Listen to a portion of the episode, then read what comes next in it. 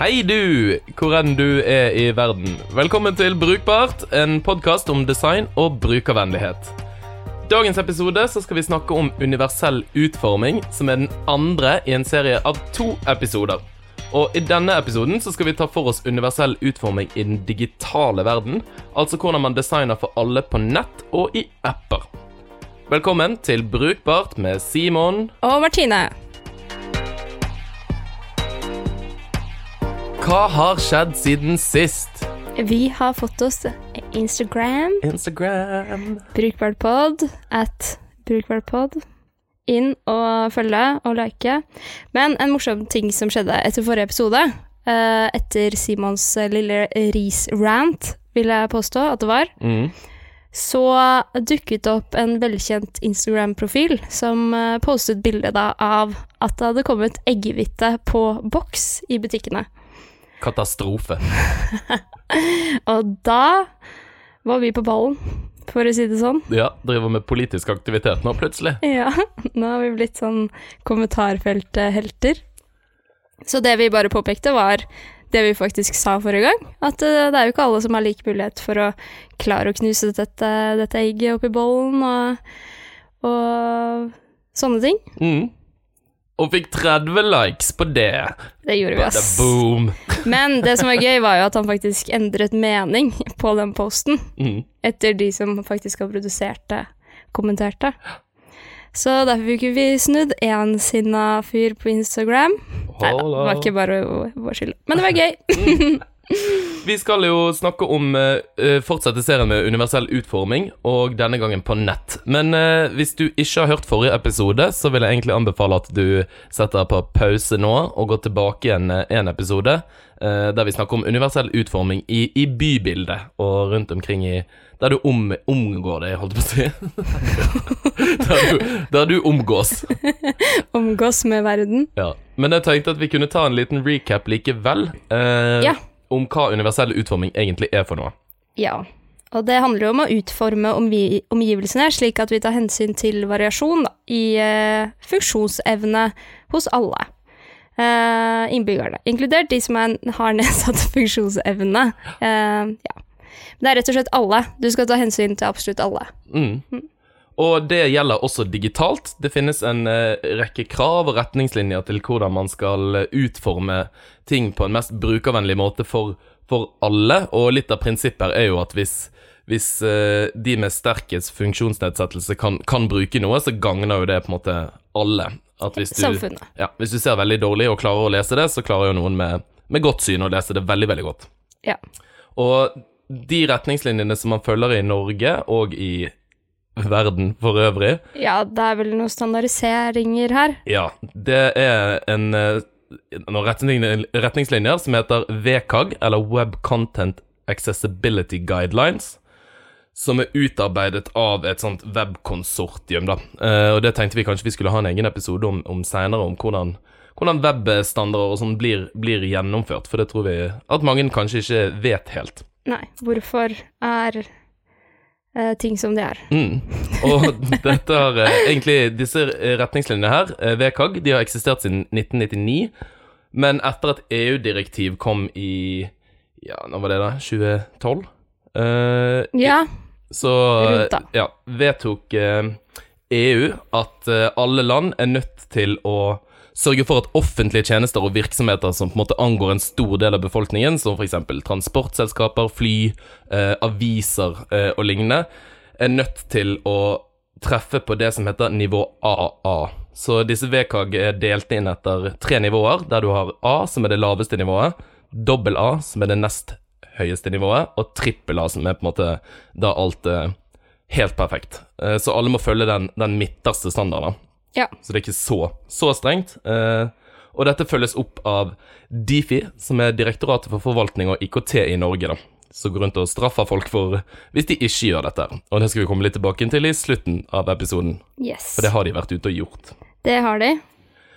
Så litt likt eh, forrige episode, så tenkte vi egentlig å dele inn eh, eh, samtalen vår egentlig etter, eh, etter disse prinsippene som VKG har satt. Og de har satt egentlig fire prinsipper som handler om at ting skal være mulig å oppfatte, det skal være mulig å betjene, være forståelig og robust.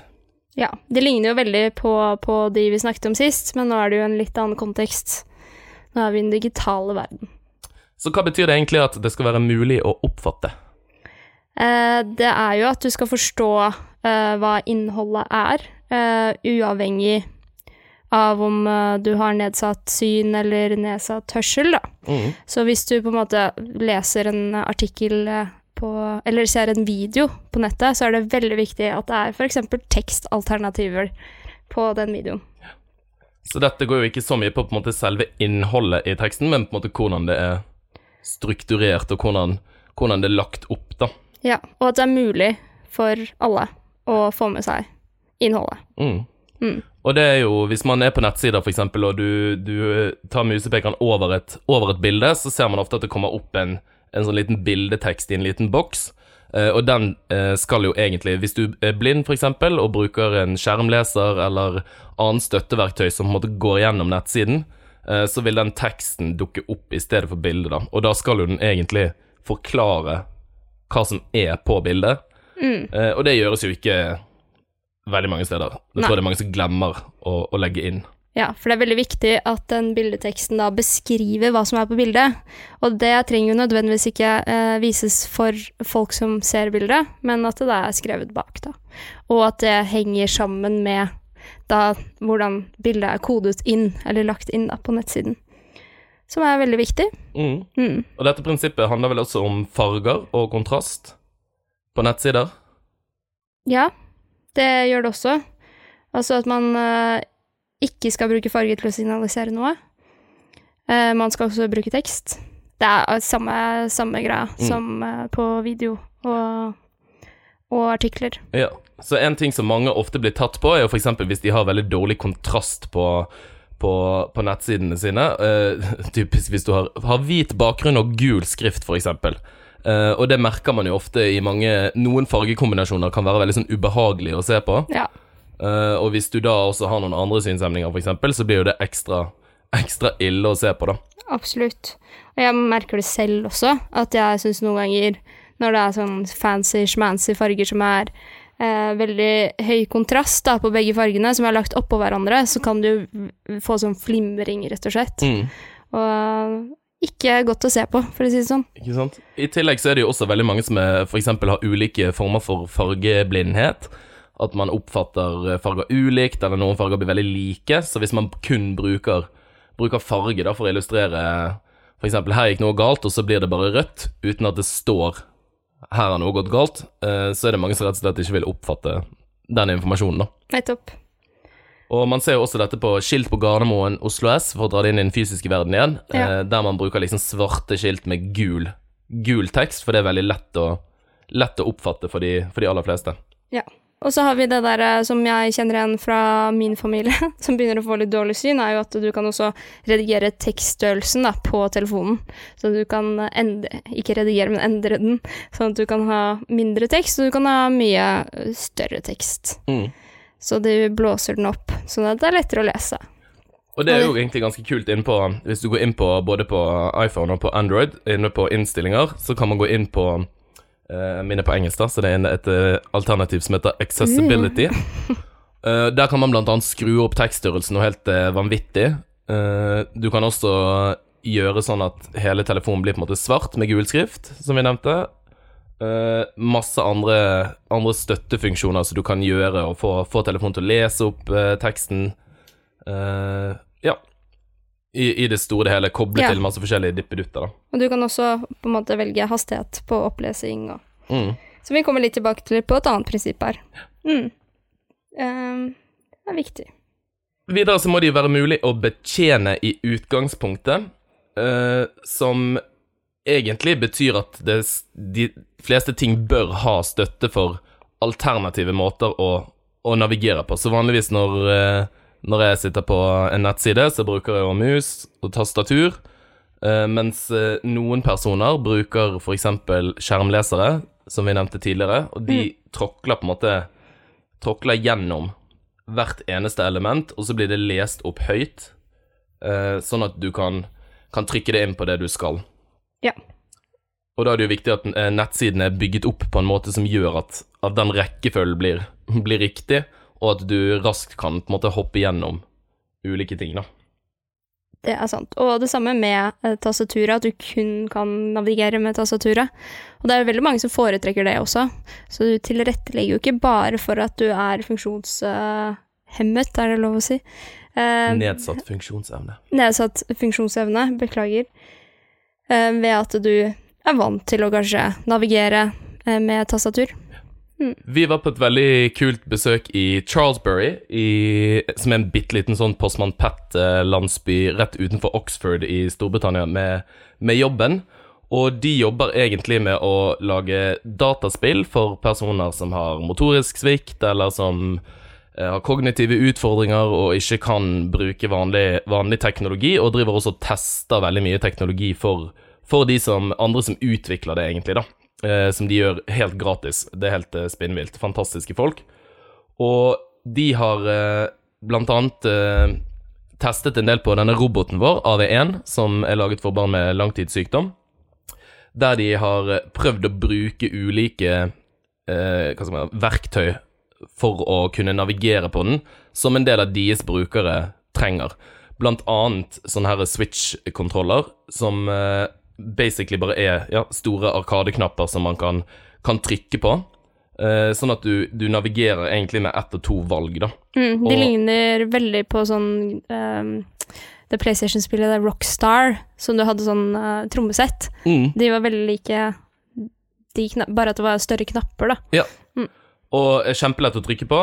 Uh, og det var bare helt utrolig fascinerende å se måten de, de brukte det på. Så når du, når du har hjemskjermen med alle appene bortover, så trykker den på en måte Når du trykker én gang, så velger den en hel rad, og så tråkler du det på en måte nedover én og én rad, og når du har funnet den raden du skal inn på, så trykker du igjen, og da kommer du på en måte horisontalt og velger bortover, og så finner du den appen du skal ha, og så kan du på en måte dobbelttrykke. Og det er jo åpenbart en, en, en tungvint måte å gjøre det på, sammenlignet med bare trykke der du skal. Men eh, helt nødvendig for, eh, for ganske mange å, å bruke det på den måten der, da. Ja. Men min, kan du minne litt om eh, sånn uh, Apple-fjernkontrollen var før? Eller sånn hvis du skulle skrive inn en tekst, da. Ja. Så må du navigere der rundt. Egentlig.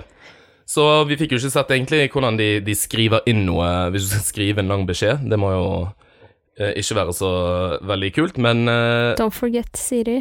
Ikke sant? Det har man eh, andre verktøy til å hjelpe til med.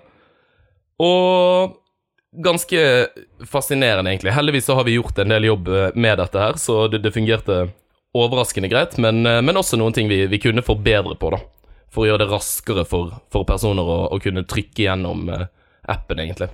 Ja. Som vi aldri har Vi har jo tenkt på det, men ikke eh, fått sett på en måte i, i action, da. Ikke sant? Som gjør det litt annerledes. Viktig å teste, Veldig viktig å teste. men uh, veldig kult. Mm. Så har vi eh, neste, som er da at ting skal være forståelig, som er neste retningslinje. Og hva går det ut på?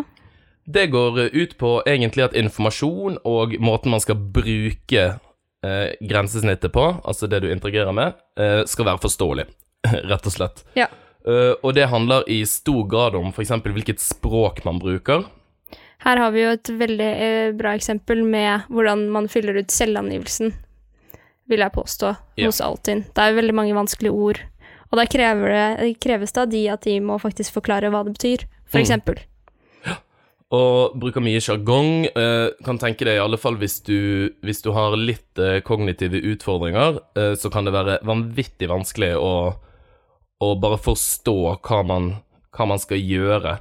Og det handler også om at for eksempel i noen kontekster så kan jo informasjonen du oppgir faktisk ha juridiske eller på en måte økonomiske konsekvenser som kan følge deg i ettertid, og det skal på en måte ikke være mulig å egentlig gjøre så mye feil. Du skal få muligheten til å kontrollere ting, og du skal få muligheten til å rette det opp Ja. uh, før man på en måte sender inn ting, da. Ja, som for eksempel at det kommer en sånn oppsummeringsside, da, etter du har uh, gjort en økonomisk beslutning, Mm. eller juridisk, på internett. Og det er jo helt klart, dette er jo ting som jeg også uh, trenger og vil ha. Man blir jo ganske stresset i mange, mange situasjoner hvor man skal, skal fylle inn eh, sånn type informasjon, særlig hvis det er sånn ja, skatt- og selvangivelse og bankting og sånn. Absolutt. Som er ganske viktig, og som er tjenester som alle må kunne bruke, egentlig. Ja. Og det her gjelder for absolutt alle. Mm. I tillegg så handler det også om at det skal være en forutsigbar og konsekvent navigasjon. Og dette her, jeg husker ikke hvem det er som har, som har sagt det, men hvis du sammenligner f.eks. en, en Android-app eller en IOS-app, så fungerer de stort sett ganske likt, fordi både Google og, Android, og Apple har ganske strenge retningslinjer på på en måte hvordan skal en toppnavigasjonsmeny. sant? Altså Tilbake skal alltid være oppe til venstre. Man har uh, disse tabsene nede med menyvalg. Uh, de har ganske strenge retningslinjer på det, men når du kommer over på, på internett, på vanlige nettsider, så blir man jo egentlig kastet inn i et helt nytt univers hver eneste gang du går inn på en ny nettside, for det, det er ikke så veldig standardisert og likt. Uh, og da er det veldig viktig at særlig innad i grensesnittet, så er ting så likt og konsekvent som overhodet mulig, da. Så hvis du går fra én side til en annen, så skal ikke menyen på en måte flytte plass. At plutselig var den på toppen, men når du har gått inn på en underside, så flytter den seg til venstre. Ja.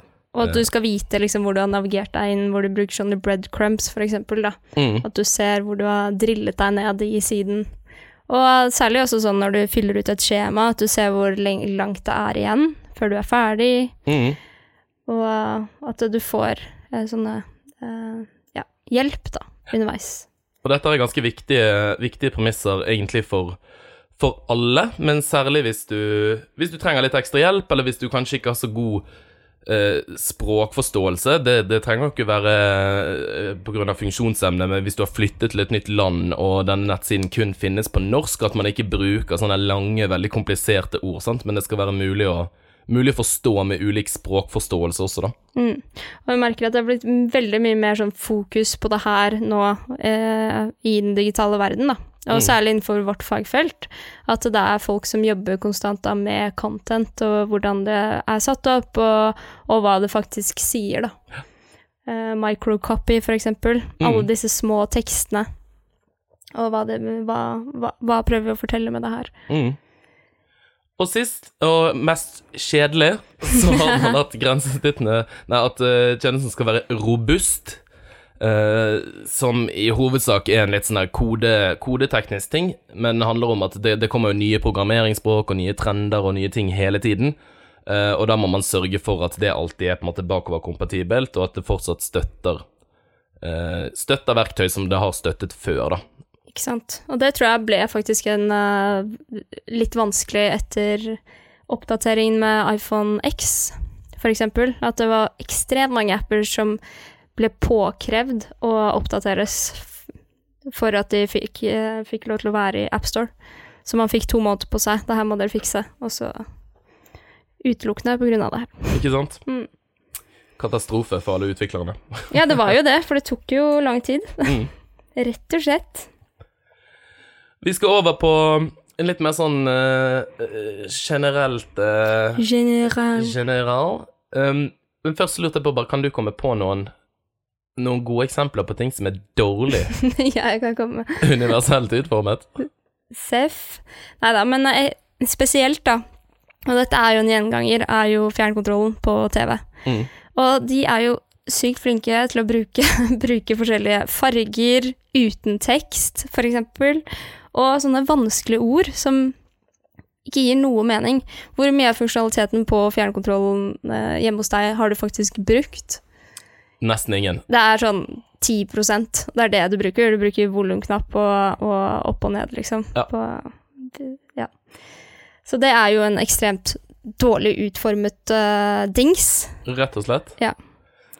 Og så utover det, så er bare sånn Vi, vi satt og sleit litt med, med å komme på Hvis noen har noen gode tips, eh, hvis du, du som sitter og hører på, har, har noen gode tips til uh, noen ting som du har tenkt over at, uh, at du har sett, så send det gjerne, gjerne vår vei.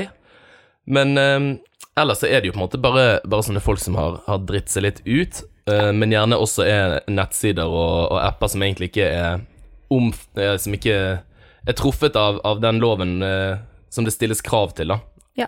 som har ja, liten tekst, dårlig fontvalg, Uh, jeg tror det er ekstremt mange selskaper der ute som ikke er må, må gjøre det her, som har dette, denne tasken her i backloggen Mm. Eh, på, på jobben. At eh, dette må vi fikse, men, eh, men vi har ikke tid til det akkurat nå. Mm. Ligger bakerst i køen. Det gjør det. Selv om det er dritviktig. Men det som er ganske spennende, er at Difi, altså Direktoratet for eh, forvaltning og IKT, de lanserte i desember, nå, nå i desember i 2018, så eh, lanserte de en rapport hvor de hadde gått gjennom da, og testet eh, universell I hvilken grad 278 norske nettsteder var universelt utformet. Og dette Og- var viktige sider. Ja, altså da har de gått gjennom sider som VG, NRK, Nille, syns jeg er litt artig eh, liksom, at de er rammet av dette. Eh, Norwegian, SAS, NSB, eh, masse banker, eh, flere kommuner og, og i det hele tatt. Claes Olsson. Claes Olsson. Og det de egentlig fant, var at altså, når, de, når de tok et gjennomsnitt på det Du kunne få en score fra 0 til, til 100 eh, i, ettersom hvor mange krav du hadde oppfylt. Og i gjennomsnitt så skårte alle disse nettstedene kun 60 da. Yep. Som er et lite knep over halvparten for de som er gode i matematikk. Og i hovedsakene så var jo det på en måte dårlig kontrast mellom tekst og bakgrunn, kjempestort problem. Eh, ingen teksting av videoer, og det er jo, merker jo jeg bare ofte når jeg sitter på Facebook på eh, På, Bussen. mobil, på bussen, sant. Bare hvor utrolig deilig Hvis det er å ha tekst. Ja. jeg ikke hører hva som blir sagt, jeg vil bare lese teksten. Og det tror jeg veldig, veldig mange gjør nå. Ja, og, jeg, jeg, jeg trenger det jo på en måte ikke engang. Uh, så det må jo være veldig provoserende å, å oppleve det jevnlig, da. Men det som er fint med, med det, er jo at det har blitt en sånn markedsføringsstrategi, at vi må ha på tekst, Mm. fordi disse situasjonene her oppstår så ofte, da. Det er jo ofte at jeg ligger i sengen og scroller på Instagram, men jeg vil ikke ha på lyd, Mm. og så da kommer det videoer med tekst. Kanskje ikke så mye på Instagram, men liksom på Facebook og, og Mm. andre nettsteder, da. Gagner alle. Og så mye utfordringer med på en måte tastaturbetjening, at du ikke kan navigere deg gjennom uh, grensesnittet ved å bruke hurtigtaster og, og lignende. Mm. Og det syns jeg er litt morsomt, fordi den som har skåret 35 er Nors Norges forskningsråd. Jeg syns at de burde skjerpe seg litt. Ja, De har kanskje ikke eh, kjempemange utviklere som jobber med å lage den nettsiden heller. Det er sant. Eh, så det er jo åpenbart et eh, ressursproblem, da. Ja. Men jeg er en liten shout-out til den beste her. Politiet. Og det er bra. Det er veldig bra. Uh, kan man politianmelde alt mulig rart. Må vi Ja. fortsatt møte opp på politistasjonen for å anmelde noe, kanskje. Uh, jeg vet ikke, men nei, de skårer i hvert fall 92 da. Som samsvarer, og det er det høyeste. Ikke Her sant? Så liten Klapp, klapp til politiet. nei. Knips. Kanskje litt Det jeg syns er veldig gøy derimot, er fordi du sitter kanskje og tenker, men hva er straffen for å ikke være universelt utformet? Og det er et veldig godt spørsmål, men det som skjer, er at Difi kan, dersom de har gitt deg beskjed om eh, du har noen problemer med universell utforming av, av tjenesten eller produktet ditt, så sier de fra til deg, kommer med en liste over ting du må fikse, og så venter de en stund. Og hvis du ikke fikser det etter jeg vet ikke hvor lang tid de gir, noen måneder, Ja. Eh, så kommer de og truer det med, med dagbøter, da. På kroner opp til 15 000 kroner. Opp til mer enn det, for å si det sånn. Men den første som fikk eh, på en måte faktisk trussel om dagbøter i Norge noensinne, dette her som bergenser er jo helt fantastisk eh, å vite, at det var Askøy kommune, som hadde en så dårlig universelt utformet eh, eh, søknadsportal for barnehageplass, og fikk kjeft på det om igjen og om igjen og om igjen, og ikke fikk fikset det, fordi at det var en tredjepart som på en måte tilbød, eller lagde den tjenesten for dem. Så ble de truet med dagbøter på 10 000 kroner. Stakkar. Mm. Men jeg var faktisk inne og sjekket den siden, for det her ble jo en avissak da, da det kom ut at Askøy kommune kanskje kom til å få dagbøter. Mm. Og det var en ekstremt dårlig side. De hadde laget et kart over innholdet på siden i form av en sånn stikkordsliste, sånn at du kunne navigere deg i de 10 780 undersidene Det er helt sykt. ask Askøy kommune, liksom. Men da er det én, da. Da er det én person som har sittet der og produsert content over en lav sko. Det er så drøyt. Og det beste er Måten de ble kvitt problemet på, det var ikke at de fikk fikset den søknadsportalen. De bare fjernet hele dritten. Men det der er en greie nå. Det er sånn der, Etter GDPR også ble trådt i kraft, så er det masse amerikanske nettsider som bare stenger ute eh, europeere. Fordi de bare gidder ikke å fikse, fikse det her. Så da bare driter vi i de folka. Det er samme greia, liksom. Ja. Men jeg skjønner jo Askøy kommune har kanskje ikke like like mange mye ressurser som store amerikanske nettsteder. Så kanskje Askøy kommune jobber med nye nettsider i disse det. dager. Men noen andre som også fikk eh, Yes. dagbøter? Det var SAS. Eller fikk ikke. Ble truet med. Ja, men de ble truet lenge, og jeg ser at vi har skrevet opp august 2018 her, men jeg er ganske sikker på at de sidene ble rullet ut i 2017. Mm. Det er en stund siden. Og den dagen det ble rullet ut, det var så mye forbanna folk. Fordi det gikk jo ikke an å bestille billetter, rett og slett, på, på nettsiden deres. Og det var helt eh, hårreisende hvor dårlige nettsider de hadde klart å lage. Og det her var jo liksom de nye fresh nettsidene med nytt brand, og Ja, alt skulle være altså, kult og flott. Det så jo relativt fresht ut, men, men det gikk jo ikke an å gjøre noe der. Det er vel Eh, den nettsiden de har i dag. Ja, Det er det, eh, men de har jo fikset opp i, i småtteri, Mm. sånn at de faktisk har kunder, som er en god ting for et flyselskap.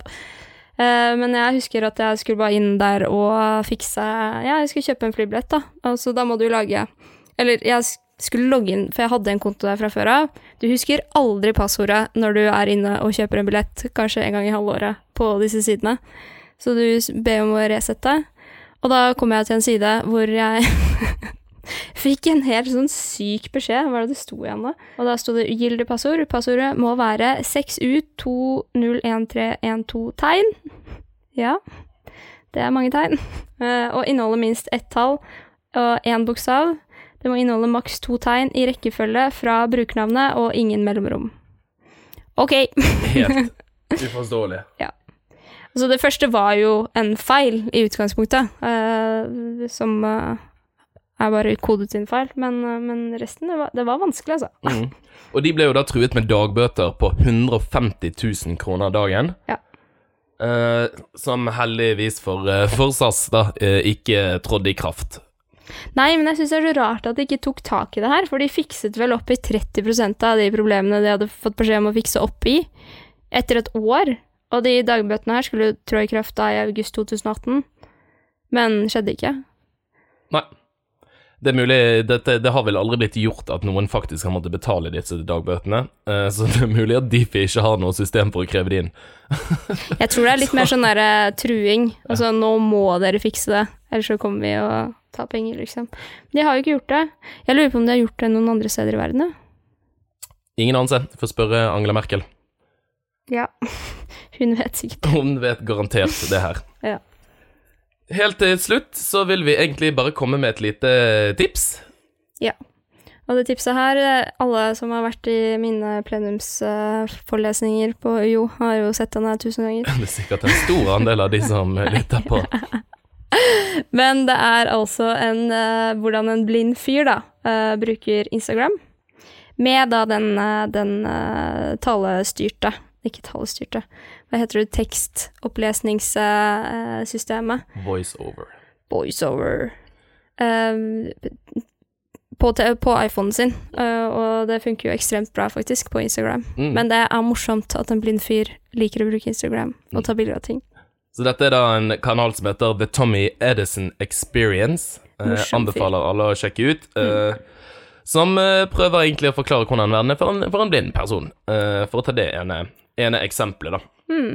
Eh, veldig gøy med alle bildene han legger ut på, på Instagram. Eh, Spesielt ett bilde, ja. hvor han tok på toget. og så var det en person som satt foran han og viste finger. og det fikk han ikke vite før folk kommenterte og sa hva det var. Men det er jo litt spennende. Ja. Bare Veldig gøy. takk for at du hørte på i dag. Tusen takk. Tusen takk. Neste episode skal handle om emojis. Uh, for det kommer kom nytt kom, kommer nytt uh, har kommet. Ja, er oppdatering. Med eh, liten, liten tiss-emoji, blant annet. Ja! Og mye annet snadder. Så vi skal snakke litt om eh, hvordan emojis egentlig Hvordan kommer disse nye emojisene inn i Ja. emoji-tegnsettet? Hvem er det som bestemmer det? Mm. Uh, og hvordan gjøres, gjøres det?